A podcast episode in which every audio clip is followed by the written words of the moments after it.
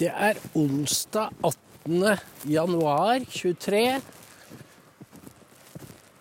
Og det er kram snø. Og det er mørkt, men det gjør ikke noe, for vi har så fin hodelykt. Vi har nettopp vært i studio og snakket med Arnt og Kjell, som vi skal bruke, begynne å bruke mer. Og jeg tenkte å snakke om da denne merkelige dreiningen på venstresiden i Norge, hvor de også slutter seg til krigspartiet. Det var interessant å se debatten i går, hvor særlig Raymond Johansen og Ine Marie Eriksen Søreide gikk til angrep på de på Rødt-siden som ikke er bekvem med å slutte seg til ja, Møllersen heter han. Han har vært med i Radikal Hva heter det? Ja. Han er nå med i Rødt. Og har ikke akkurat stått dokumenten her, for å si det sånn. Men Og så var det hun Ja, hva var det Leran Liland. Hun var også De snakker jo i forlengelse av det som har vært en tradisjonell norsk politikk, nemlig fredsdiplomati. Så du kan si at hvis det hadde vært enerådende i Norge, så hadde vi sagt at nei, men Norge bør gjøre mer. Men det jeg tror, det jeg og mange med meg reagerer på, er at politikken går i byks. Og det forandrer seg så fort at du greier nesten ikke henge med i svingene. Husk at det har vært et hevdvunnet prinsipp helt fra er det 49 at vi skal ikke levere våpen til parter som er i krig. Og det er utradert med et pennestrøk. Og så er det har det da bare blitt mer og mer offensive våpen. I går så sa de jo at det er ingen forskjell på offensive og defensive våpen. Jo, selvfølgelig er det det. Det vil si det er bruken av dem som gjør det til det ene eller det andre. Det er stor forskjell på å skyte ned droner og fly, droner over Ukraina, eller raketter, og å skyte dem inn i Russland. Selvfølgelig. Det ene er defensivt, og det andre er offensivt. Og som eh, hun kvinnen fra fredsbevegelsen sa, som jeg ikke husker navnet på, så Hvis du tror For de allierte, eller Nato, sier jo at de følger Kiev, og det blir ikke noen forhandlinger før de har inntatt Krim. Da skal de måtte vente lenge. I enhver krig så må man gi og ta. Men jeg kan ikke se at jeg Jeg hører ikke ordet fredsforhandlinger. Og de vil ikke gi. De har ingenting å gi. Ikke før Russland har trukket seg helt ut. Også fra Krim. Og det kommer ikke til å skje. Så det er disse 180 graders svingningene. Og koblet med en ensretting av opinionen. I går var det en historie fra Aftenposten som vi ikke rakk å registrere, men altså det handler om en lærer. Han heter Salih Holgersen. Jeg tror han er konvertitt til islam, ærlig talt. Vi har vært borti navnet før, men det er ikke poenget her. Han har da skrevet to bidrag til en lærebok hvor han har både et pro-ukrainsk og et pro-russisk standpunkt. Og det siste ble ikke tolerert, så nå er begge kapitler sløyfet, for det vil ikke Cappelen Dam, Dam ha. Og dette er en en intoleranse som har vokst frem i krigens skygge, eller kjølvann, rettere sagt. Og derfor kaller jeg denne krigen for den første woke-krigen. Det var en uttalelse I dag møtes jo denne kontaktgruppen for Ukraina. Det er 40 land. 40 land. Og så sier da Natos visegeneralsekretær Jeg lurer på om han var fra Romania. At jeg aldri hørte hørt om han før.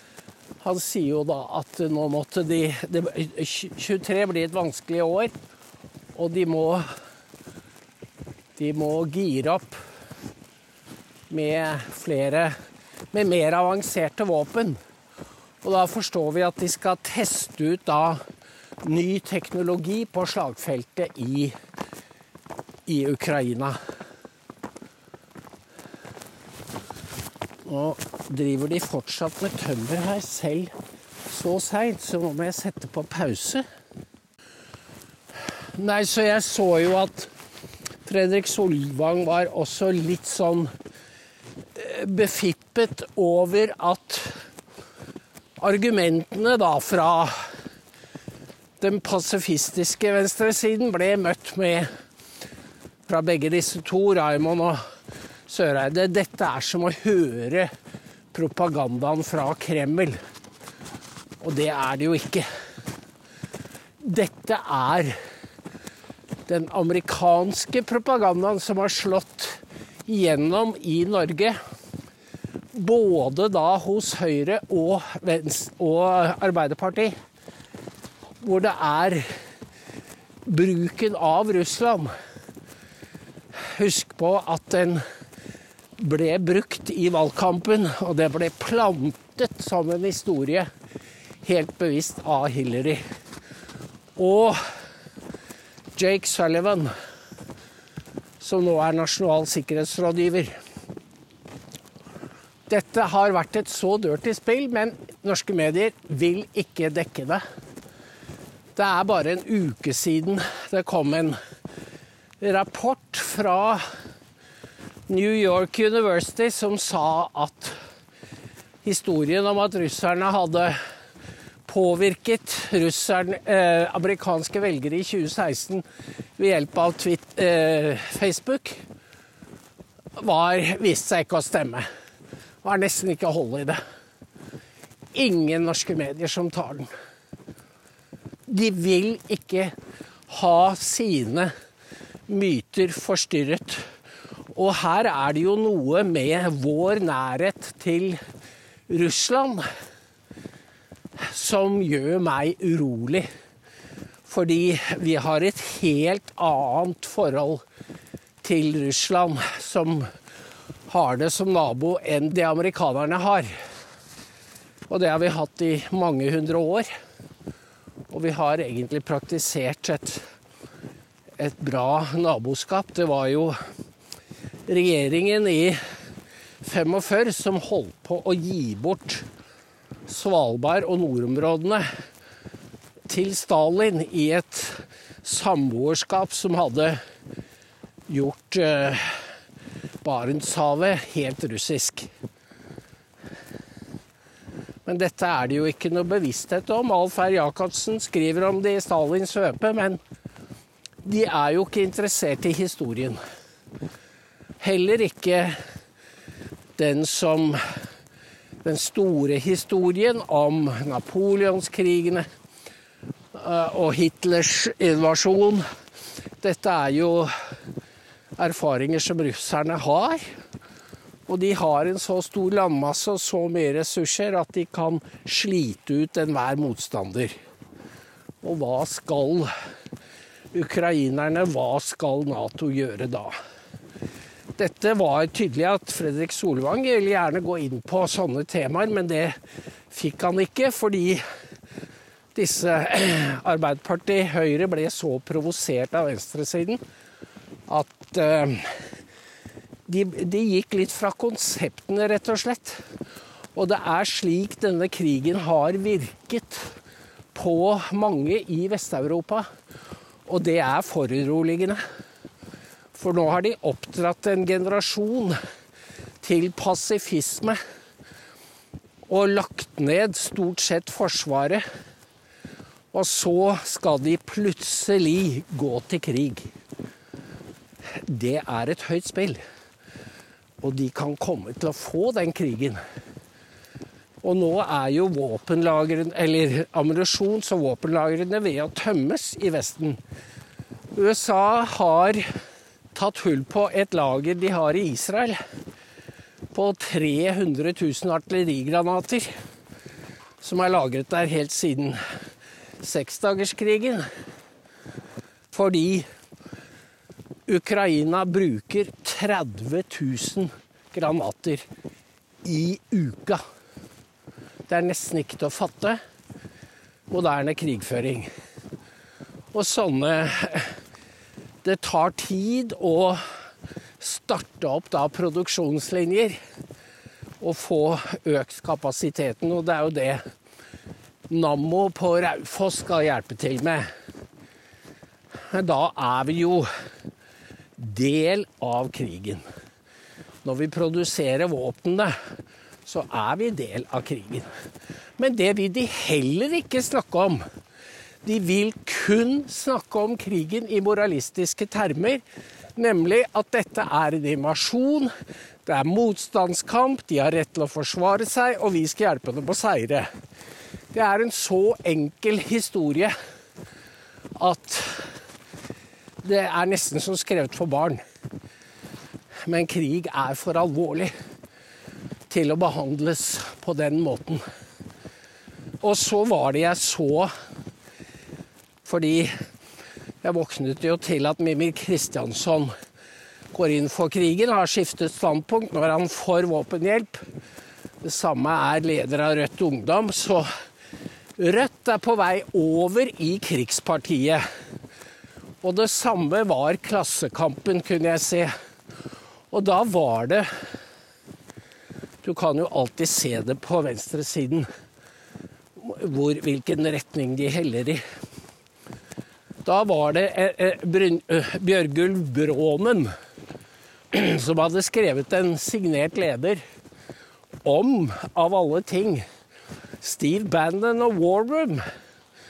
Og det var en så hjelpeløs artikkel at man forstår at disse menneskene har det jo vondt. For de aner ikke hvilken verden de befinner seg i, og hva som skjer. Bronnen vet ingenting om Steve Bannon, ingenting om War Room.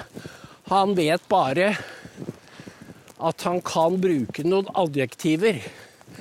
Og det er jo Det er jo uh, typ Eller altså, bare for å gi et eksempel.